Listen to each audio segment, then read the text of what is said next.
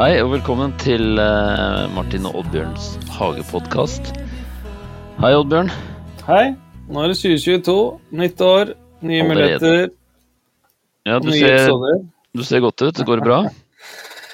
Ja, det går bra. Jeg venter på svar på en PCR-test, så vi får se om jeg har eh, covid eller ikke. Om jeg ikke har det, så får jeg det, men vi skal vel gjennom det alle mann, tror jeg. Ja, vi har vært der sjøl i dag og stått i kø og Så det er jo artige tider sånn sett. Ja. Da er det greit å kunne stopper ikke oss fra Nei. covid. Da er det greit å kunne holde på hjemme. Ja. Men har du har begynt litt å så, har jeg sett?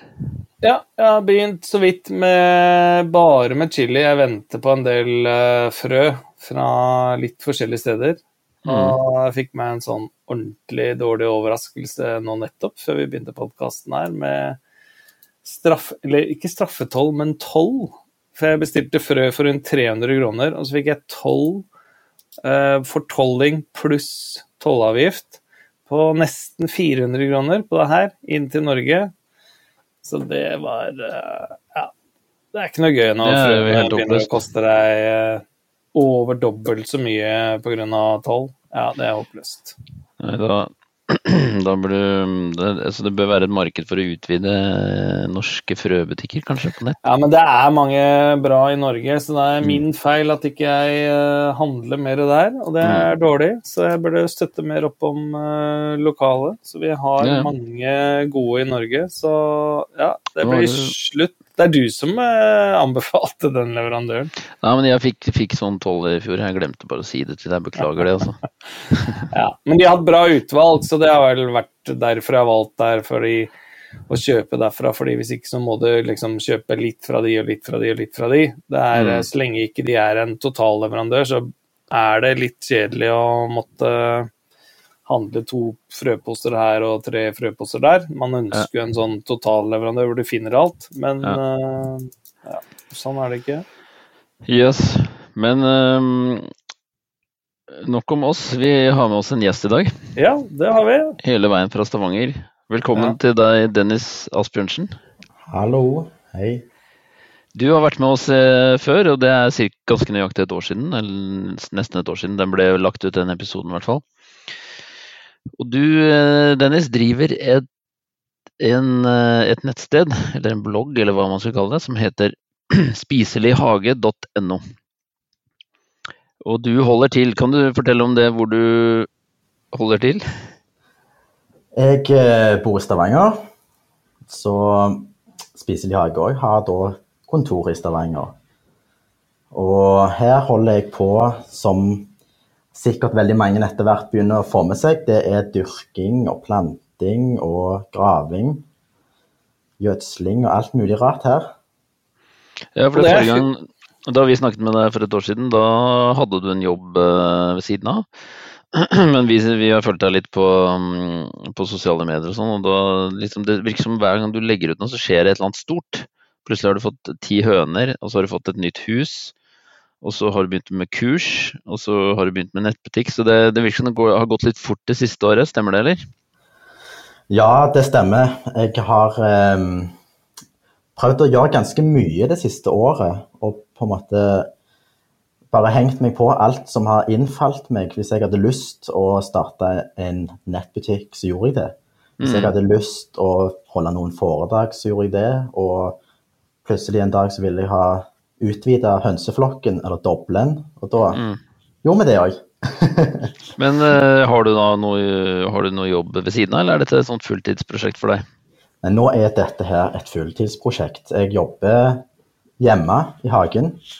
På kontoret hjemme på skjermen her. Holder på å pakke varer til nettbutikker. Graver i jorda. Lager innhold for sosiale medier. Eh, har et gårdsutsalg her hver helg. Så da er det spennende. Hva er det du selger eh, på gårdsutsalget? Nei, her er det alt du kan tenke deg av saft, syltetøy, marmelader. Lokalprodusert fra Stavanger-regionen. Og så er det eh, planter på sommeren og våren. Sommerblomster og alt dette her. Og kafédrift. Altså kaffe og kaker og alt Ja. dette her. Er det noe du produserer selv, eller av det du selger, eller eh, er det planen, kanskje? Planen er det. Jeg har ikke gjort så veldig mye ennå, for det har vært mer aktiv med å få tak i lokale leverandører og lage sånne bånd, egentlig. Mm. Eh, Men planen er jo etter hvert å produsere eget. Både planter og spiselige ting. Samtidig òg redskaper, hageredskaper og Ja, kort, kortreist, dette, det er populært om dagen. Det, Ja. Alle liker kortreist. Ja, Vi hadde noen som plommer fra hagen, men det ble veldig populært. Det føyk unna med en gang. Ja. Så det, men har det gått bra, eller? Det har gått veldig bra. Altså, jeg hadde jo en fast, trygg jobb i Stavanger kommune. En 100% stilling som jeg gikk ifra frivillig. Og jeg har boliglån på to hus. Jeg må jo betjene dette her. Ja. Sånn at eh, det går greit. Altså, jeg, jeg eh, klarer meg veldig fint. Ja, så flott. Spennende å høre. Så det er det mulig, det snakket vi vel om sist òg, at, eh, at du tar imot besøk i hagen din og har omvisninger og Eller er det mest kurs du har da? I hagen min så er det egentlig mest kurs, altså en he heldagskurser. At folk kommer på et kjøkkenhagekurs. Ja. Får, får litt teori og omvisning og alt det inni samme dagen. Og så har vi da integrert det med kafeen, altså gårdsutsalget, at folk kan komme og spise og alt mulig rart. Ja. Mm, så det første starter jo egentlig nå i februar, og da er det gasspedalen i bånn hele våren. Har du fulltegna kurs denne våren, eller? Ja, nå skal jeg jo ha veldig, veldig mange kurs jeg reiser til, og så skal jeg ha noen kurs her hjemme i hagen. Ja.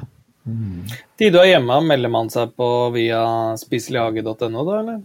Ja, da går du inn på nettsiden Spiselig hage, og så bestiller du egentlig bare et kurs der. Det er fantastisk. og um, det, det, Jeg har hørt rykter om at du også har klart å skrive en bok oppi alt dette her. Stemmer det? Ja, ja, ja du har hørt gode rykter. Nå, nå i februar så kom eh, Spiselig hage-bok, som Ja. da blir gitt, gitt ut med et forlag. Eh, og den boken da, den kommer til å være på en måte en bok som skal være for alle, enten du er profesjonell ho- hobbygartner, at du har holdt på i mange år, eller om du er nybegynner, eller om du bare har en eh, balkong eller kun et kjøkkenvindu. Alle skal på en måte få nytte av den boken, så det blir en veldig bra bok som vi har jobbet veldig lenge med. Så bra, da. Vi får halv pris, vi, jeg og Martin, gjør vi ikke det? Dette må dere høre med forlaget. Ja, vi har signert eksemplar, i hvert fall. Men Ja, det er så morsomt, da. Det er jo veldig imponerende. Men eh, den blir tilgjengelig i februar, sa du. Da sikkert eh, overalt, da. Den blir netthandler og sånn. tilgjengelig overalt i februar, og det er et, et av Norges største forlag som står bak den, sånn at Ja. eh, de fikser det. Hvor mange ting er det du har med der? Har du både blomster og grønnsaker, eller hva er det du, hva er det du går gjennom i boka, Bok, egentlig? boken heter 'Spiselig hage', som det betyr at det, da vil det handle om spiselige vekster i hagen. Mm. Hovedsakelig grønnsaker og litt frukt og bær. Og så er vi jo innom spiselige blomster, men det er ikke så veldig stort tema. Og selvfølgelig er urter. Ja, Mm, urter masse. Hvor mange spiselige vekster har du med, vet du det? I boken Ja. Eller temaer, kanskje, eventuelt, da. Jeg tror det er 40, 40 spiselige vekster, eller 50. Og så handler jo boken òg om hvordan du bygger en kjøkkenhage, hvordan du dyrker innendørs. Om du skal reise på ferie, hva gjør du da? Skadedyrhåndtering, sykdommer på plantene, alt dette her. Sånn at boka skal på en måte dekke alt med det å ha en kjøkkenhage, og hvordan du skal drive en kjøkkenhage, rett og slett. Ja, spennende. Spennende. Men du nevnte urter, og da tenkte jeg at det er en veldig fin overgang. For det, vi skal jo egentlig, det er egentlig tema for podkasten i dag. Det er mange som har spurt oss om å snakke litt om det å dyrke sine egne krydderurter. Og det har du mye erfaring med, Dennis, vil jeg tro. Ja, jeg har jo holdt på i noen år nå og planta. Ja. Og Oddbjørn, du har også drevet mye med det, og jeg driver litt med det inne mm, i veksthus, da, hovedsakelig. Så, men jeg tenkte først vi kunne snakke om um, eh, hvilke sorter eh, er lettest å få til hvis man er nybegynner. Eh, Dennis, hva er din erfaring der? Min erfaring med urtene er jo å ha flerårige urter, for det lykkes du garantert med. Ja. Og voksevillige urter, f.eks. oregano. Den er flerårig, og den vokser og sprer seg i hagen din. Det er en staude. Og det samme gjelder jo mynte. Den er jo helt enorm. Det fins jo opptil 25 eller 30 forskjellige typer myntesorter. Så da har du ganske stort utvalg der. Det er jo veldig gøy. Eh, og så liker jeg jo veldig godt sitronmelisse. Du bruker det til te, og du kan bruke det i desserter. Lukter veldig godt. Mm. Andre Hva med rosmarin? Får du den igjen hos deg? I Stavanger-området her så er det jo relativt milde vintre.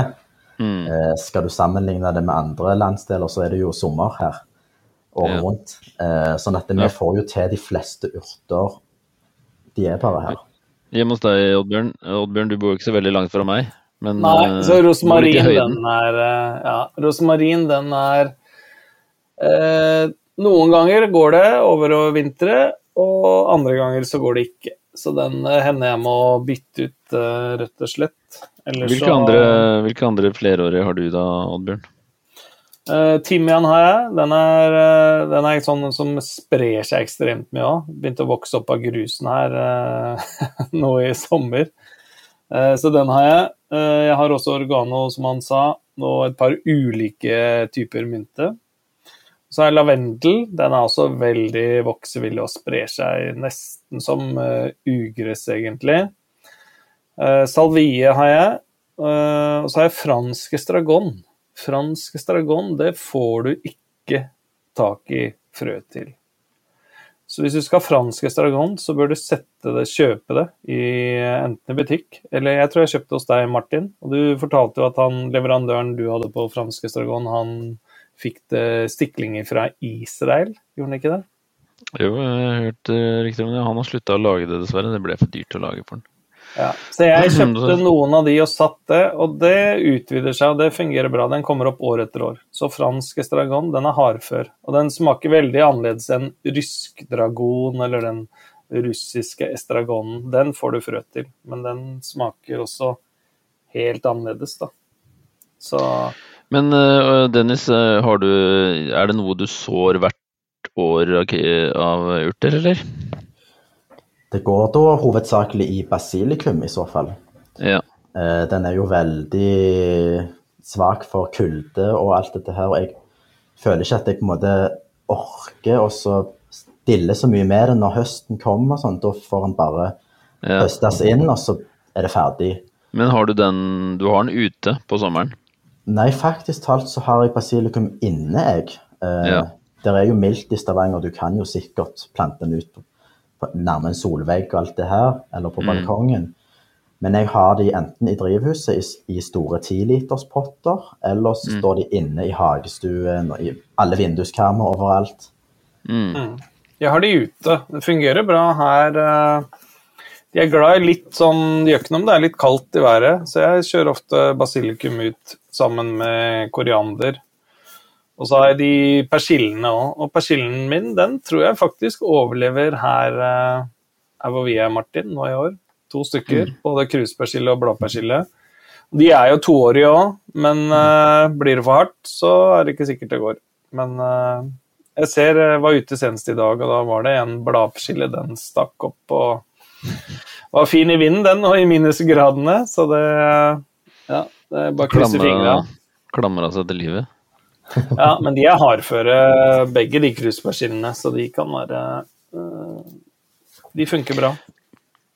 Ja, for det, det er mange som spør om basilikum. Det var derfor jeg ville snakke litt om det. For det, det der med å få til den i vinduskarmen, den er veldig sart, ikke sant, som du sier, Dennis. Men har du noen triks der for å få, gi dem et langt liv? Noen klarer det veldig bra, mens for andre så dør de fort, da.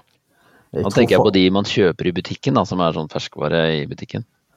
Jeg pleier jo egentlig ikke å kjøpe basilikum eller urter i matbutikken for å avle fram videre på de, men hvis du vil, så kan du jo ta stiklinger av de, f.eks. Mm. Det er jo det første, at du klipper av stilker, putter de i et glass med vann, og så vil de da danne seg røtter etter hvert. Da kan du plante de stiklingene i nye potter, som vil være at det, de plantene da er mye mer livskraftige enn de du kjøper i matbutikken. Fordi at de urtene fra matbutikken er som regel gjerne sådd veldig tett og eh, avla fram for å bare gi mat raskt. Mm.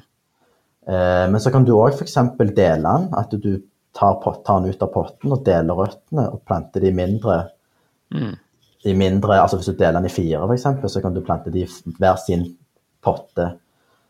Eh, og Det er viktig også at når du har basilikum inne, så blir de på en måte vant til det innendørs klimaet, samtidig at det, hvis du, du kan ikke bare sette den ut dagen etterpå, for da dør de. Så basilikum som står inne på kjøkkenet, de på måte de må tilvennes utendørslivet hvis du plutselig skal bestemme deg for å flytte de ut, f.eks. Eh, og så er det veldig mange som vanner, og så ser de at basilikumen begynner å bli litt sliten og svak, og alt det, der, så bare peiser de på med bare enda mer vann. Og da, da tar jo knekken på, for da drukner du hele planten. Eh, sånn at jeg har lykkes mest med basilikum med å la de faktisk tørke opp mellom hver vanning. Eh, og så klipper jeg de At du høster jevnlig av planten, at du klipper stilkene, for da vil den vokse med sideskudd og bli mye mer buskete, mye mer robust, og vil bli mye finere. Mm. Du tar toppskudd, du lar alltid en sånn stengel At du beholder litt av stengelen, sånn at han får mulighet til å bryte under der du har klippet, på en måte. Ja, for da skyter han ut, og da blir det mye mer buskete i form og mye finere. Men det er, jeg opplever det at det med krydderurter at det er litt viktig at de får stå litt i fred i starten for å, for å etablere seg litt. Da. For det, ikke sant, hvis du skal lage pesto, så, så går det jo fort en hel plante, da. Så det, det er også litt av utfordringen, å ikke bruke for mye i starten, kanskje. Og Så lenge plantene er små, så bør du egentlig generelt sett være forsiktig med de, enten det er mm. grønnkål eller en urte, egentlig. Mm. Så er det jo lys og næring, da. Det er jo De er jo blitt fôra på, do- på dop. For å si det rett ut. Det, det er jo kunstgjødsel sånn en masse som de får hele tiden. Og når du da plutselig stopper med det, så Ja, de liker ikke det. Og så er det å få lys, eller så strekker de seg litt for fort. Så men det er en plante som drikker mye vann, ja. Så det er, lurt å la de tørke opp, som du sier, Dennis. Men, eh, men, eh, de, men eh, de er utrolig hungrige på vann. Det er de. Ja, jeg, jeg hadde en sånn liten basilikumskog i fjor. så Jeg dyrka 1,5 kvadratmeter av gulvet i hagestuen med, med potter av basilikum. Store og små potter, en liten skog. Og det ble veldig, veldig vellykka. Jeg lagde en hel isboks med pesto, eller mer, av bare en innhøsting. Da. Så det var kjempegøy. Så i år skal jeg dyrke basilikum fra frø i, i drivhuset direkte når sommeren kommer, da. At eh, jeg har en pallekam som står inne i drivhuset. Mm. Som jeg bare skal fylle fullt i en liten skog med basilikum der inne. Så det gleder jeg meg til. Artig. Men når La oss si man ønsker å så eh, krydderurter inne, da, med tanke på at de skal plantes ut senere. Eh, har du gjort det, Oddbjørn? Har du- Eh, Bare basilikum og koriander har jeg gjort det på, men jeg har ikke gjort det på de andre. Da da har jeg kjøpt urt, urtene av deg. Er det noe bestemt tidspunkt man må så på, syns dere? Eller de, vokser de såpass fort at man kan gjøre det fortløpende også? Kommer litt an på hva du har av fasiliteter. Da har du vekstlys inne, kan du styre temperaturen inne. Ikke sant? Det er en del sånne ting som har noe å si. Uh, dill f.eks. er jo kjempevanskelig hvis du ikke har lys. Så går de rett i værs, og så kneler de på 1, 2, 3. Uh, hvis det blir for varmt og uten lys. Men uh, jeg vil jo si kanskje en uh, tre-fire uker før frost er over. Og det vil jo da variere hvor er du hen i landet, da. Mm. Ja. Er du enig i det, Dennis? Ja, helt enig. Og så Jeg pleier jo å så frøene i, i små potter eller i pluggbrett. Og så når de spirer, da, under, under sånn som Oddbjørn sier, mye lys og sånt, at det blir små, robuste planter, så planter jeg de over i større potter. Ja. Jeg planter veldig mye. Jeg planter gjerne et helt pluggbrett med persille, og så et helt pluggbrett med basilikum osv. Og, så og så planter jeg de over ut ifra sesongen, da. Og så Tar du en, ett frø per plugg, da? Nei, da hiver jeg gjerne sånn fem frø oppi hvert. Det blir gjerne litt sånn, altså, men da får de et betydelig større potte etterpå. Ja. Mm. Så planter du flere plugg sammen i én stor potte, f.eks.? Ja, f.eks. det. Eh, men så har jeg jo òg erfart at koriander var egentlig ikke nødvendig for min del i Stavanger å så innendørs på forhånd. Mm. Eh, det jeg gjorde, at jeg, jeg har store potter eller pallekammer eller kar utendørs, et skyggefullt sted, og så sår jeg korianderfrøene direkte på voksestedet. da. Ja. Og da blir det flotte planter, eller urter, eh, som vokser opp i ute i dagslys, men samtidig ikke i direkte sollys. Det vil gjøre at korianderen har lengre tid på seg å kunne høstes og nytes før han på en måte begynner å blomstre og alt dette her. Ja, og koriander liker, liker, å ha det kaldere enn en del av disse andre, ellers går den rett i værs, den nå. Så de, ofte når jeg har koriander inne sammen med dill, så putter vi det i kjøleskap, faktisk. Det er nesten helt mørkt og helt kaldt. Men uh, for hvis ikke du har nok lys til det, og du har det for varmt i rommet, så kneler de veldig fort og tar kvelden. Og da er det bedre å putte det inn i kjøleskapet, faktisk. Oppbevare det der. Både ja. dill og koriander. Men du får det ikke til å vokse videre, da. Det er, bare, det er bare for akkurat når du skal spise, ikke sant. Det er ikke for å for at den skal fortsette å vokse, som man ikke misforstår her. Det er bare at du skal rekke å få spist den før. Hvis du kjøper den inn eh, på mandag, og så skal du spise den i helgen, ja, så for at den ikke skal dø i mellomtida der, så er det bedre å oppbevare det i kjøleskap. Smart. Mm. Bra tips. Jeg eh, var inne på bloggen din i stad, eller siden din, Dennis. Der hadde du en liten, et innlegg om det med samplanting av urter. Eh, har du noen tips der, eller eh, er det en god idé? Jeg planter flerårige urter i lag. Hovedsakelig så har jeg gjerne f.eks. en pallekarm eller en stor potte. Så kan jeg ha sitronmelisse, oregano og timian i lag f.eks. Eller litt gressløk òg, for den slags skyld. Eh, mynten blir jo veldig dominerende etter hvert. altså Den sprer seg jo med utløper under jorda. Så hvis du skal plante i en stor potte eller en pallekam, så vil jeg anbefale å sette mynten i en nedgravd plastikkpotte. Mm. Sånn at den ikke kan spre seg under bakken. Mm. Det, det, står seg jo veldig veldig fint i et sånt urtebed å ha blanda flere forskjellige sammen.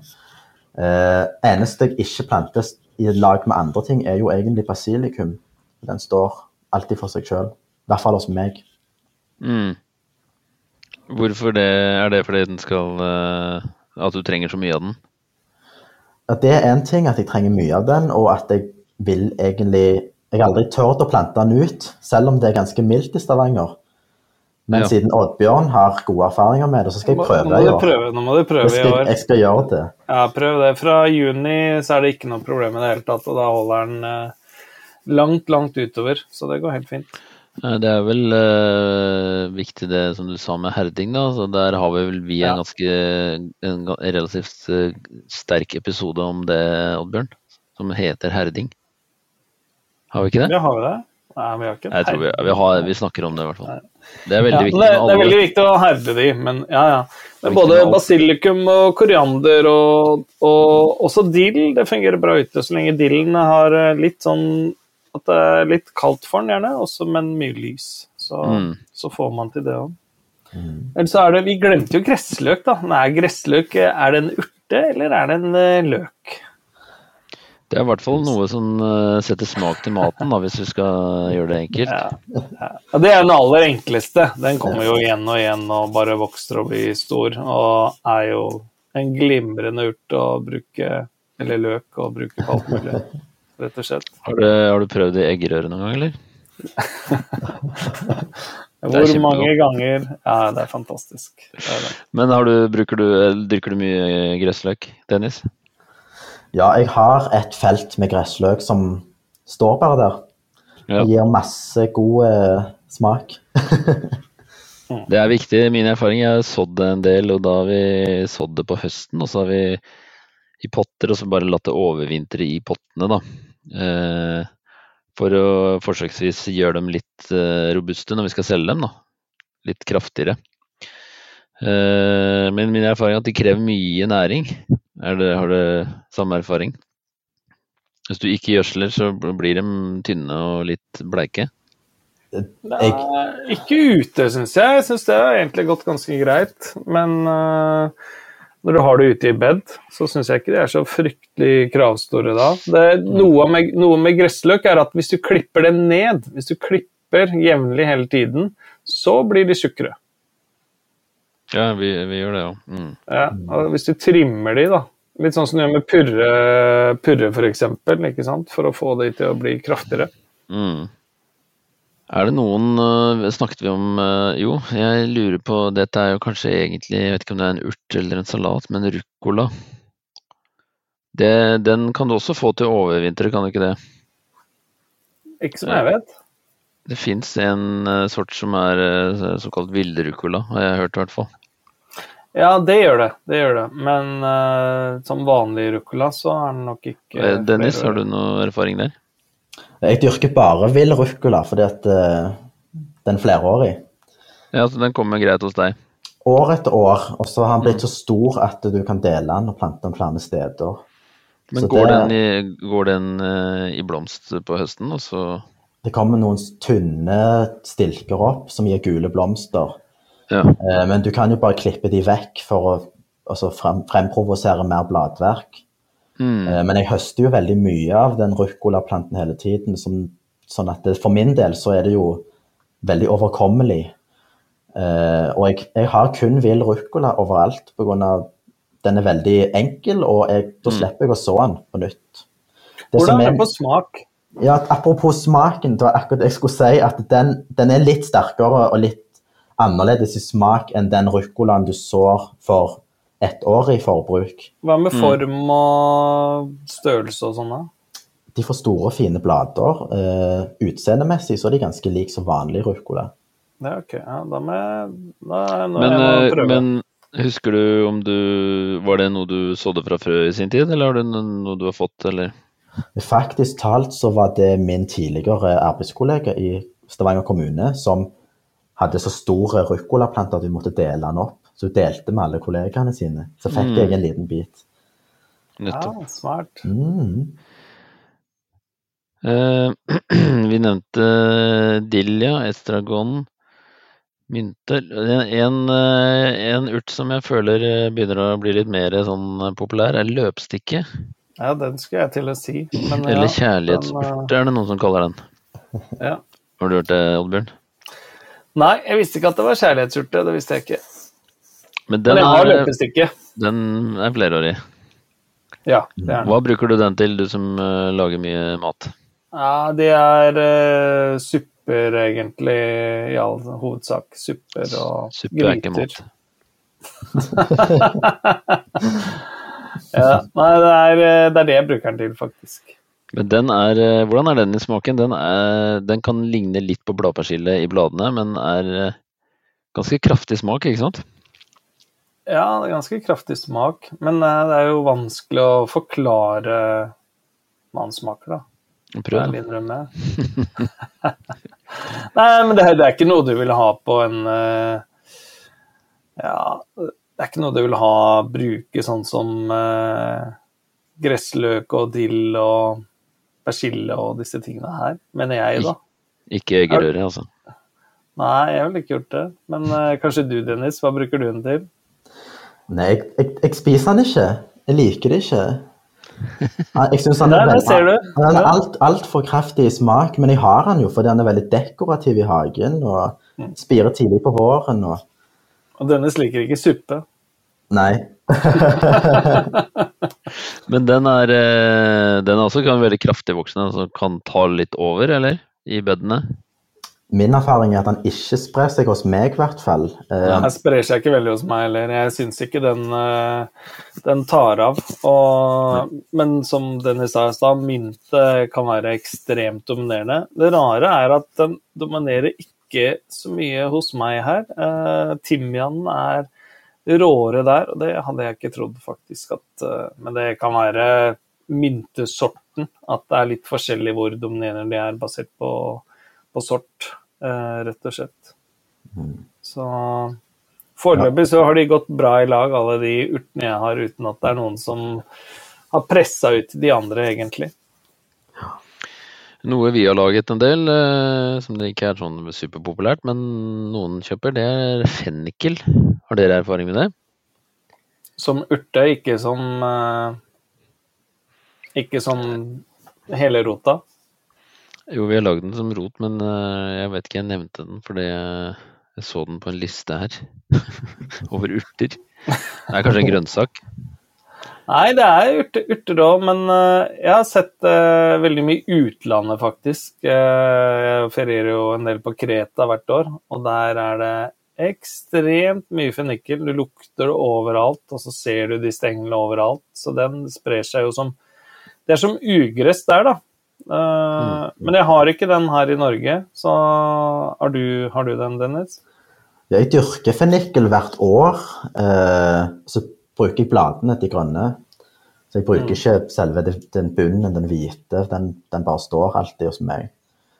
Hva bruker du de bladene til, da?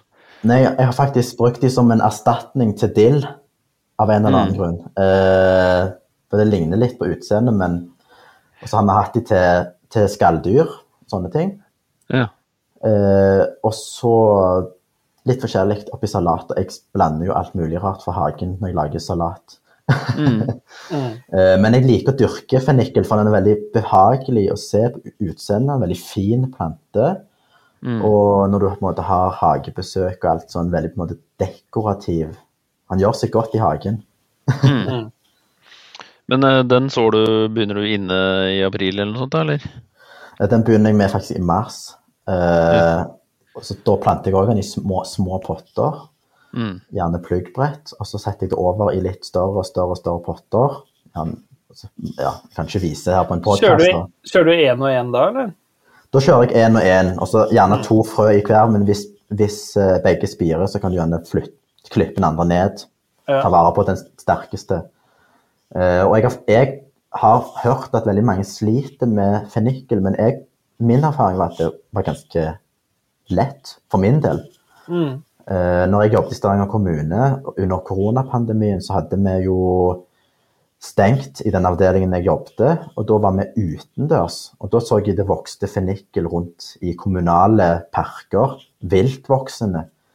Sånn at de sprer seg jo litt rundt omkring her i Stavanger-området, Ja, faktisk. og de blir høye òg. De blir jo fort eh, Ja. tre meter høye. Jeg syns de er kjempebehagelige og fine, syns jeg. Mm.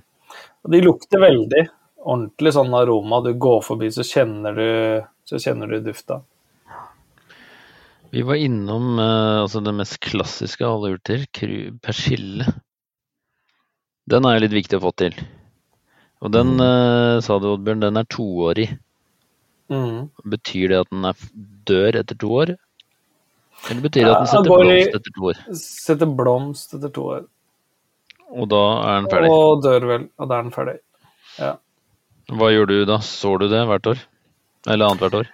Ja, som regel så har de ikke overlevd her, da, i to år. Så nå, men nå ser det ut som de kanskje gjør det faktisk. Og jeg har ikke dekka de til. For jeg tror at hvis du skal få de til å holde i to år, eh, på H4, er det ikke det vi er, Martin? Mm. Så, så lønner det seg gjerne å dekke til eh, på det verste på vinteren, ikke sant. Når du har høyest minusgrader og mest mulig vind osv. Men denne gangen har jeg ikke gjort det.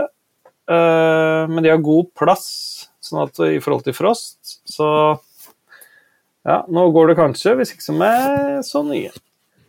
Du da, Dennis, kommer de Ikke noe problem å få det igjen hos deg? Men her er de alltid toårige.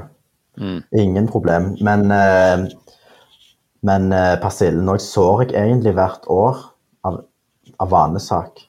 Mm. Når du sår alt det andre. Sånn at, eh, men du har jo mye mye til slutt, da. Ja. Men så du både krus og flatt? Kun krus. Jeg liker ikke den flate så veldig godt. Jeg Ja. bruker mest Jeg så veldig Når jeg starta å dyrke grønnsaker, så sådde jeg egentlig alt mulig rart, men nå har jeg på en måte valgt meg litt ut de som jeg faktisk bruker mye av. Mm. Ja.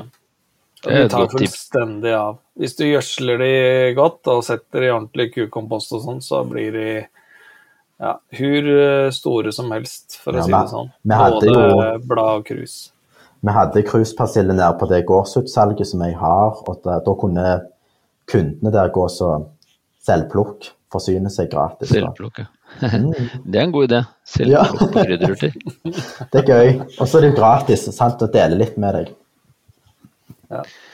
Det er to urter til jeg har lyst til å snakke om, og det er eh, salvie. Er den ene. Mm. Ja. Det også vi, Det bruker vi en del sånn i pasta og Ja, både pasta og Den er jeg utrolig dårlig til å bruke, faktisk. Jeg, eh, jeg vet at den brukes en del eh, til fisk, er den ganske populær. Og så vet jeg amerikanerne bruker den veldig mye. Eh, jeg har til gode å bruke den så mye. Jeg har brukt den i én ting, og det er gin tonic. Var det vellykka, eller? Ja, det funker veldig bra, faktisk. Rosemarin er eh, veldig bra. Rosemarin og blåbær er veldig bra i gin tonic, men det er også salvie. Er det sånn at du ikke får uh, hodepine dagen etter, eller? Nei, det det? kurerer, kurerer ingenting, faktisk. Dessverre. Det er vel vi Noen ganger så tar vi og steker det bare lett i panna, eller varmer det i panna med litt smør, og så blander det med pastaen. For å få en liten sånn ekstra tilsnitt. Ja, spennende. Det skal jeg prøve. Ja. Jeg bruker mye persille i pasta, jeg, da. Ja. Dennis, hva er din erfaring med salvie? Jeg dyrka det for to år siden. Eh, så har jeg aldri gjort det igjen, fordi at eh, jeg, jeg bruker det ikke. du vet at Jeg er veldig, er veldig glad i å dyrke mat, dyrke grønnsaker og alt, men jeg er veldig dårlig på å lage mat. Oh, ja. Ja. Sånn at jeg, jeg bare ja, spiser alt rått og tilbereder ingenting. Og det blir veldig mye sånn lite tid på kjøkkenet. Da må jeg komme ned til deg da, og så kjøre kokkekurs. da. Når du Ja. har de der fulldagsgreiene, så begynner vi med dyrking, og så går vi opp på matlaging på ettermiddagen. Ja. Jeg har ikke tid til å være på kjøkkenet. Du følger eh, Oddbjørn på et eller annet av de ti sosiale mediene han driver og poster i, så kan du se at han driver Der steker han sånn hel elg eh, på en tirsdag og lager sushi fra bånn på mandag morgen og sånn. Oh, wow. Så Ikke, ikke helt, da, men nesten. Jeg lagde sushi fra bånn i går, og det er vel omtrent en gang i uka. Så jeg har lagd sushi ja, jeg vil påstå nærmere 1000 ganger nå. Oh, wow. Fantastisk. Det er veldig gøy å Det er jo mat. ingenting som er bedre enn å lage god og skikkelig mat, men jeg har ikke tid. Nei, det er eh, Det er noe med det, da. Og så er det litt sånn interesse. Så jeg skjønner jo Jeg prøver å kombinere mange interesser, da. Jeg er jeger, fisker, dyrker, ølbrygger, ja, og, Du er et slags og litt sånn kokk. Ja, prøver, prøver å bli sånn halvgod i alt. Ja. Et komplett menneske. Men uh, det var den siste, den siste urt som jeg eh, og som ikke er så mye brukt, tror jeg. Det er kjørvel. Det jeg aldri Ja. gjort. Ja. Det er også sånn typisk eh, når noen spør meg at- av mine kunder, da.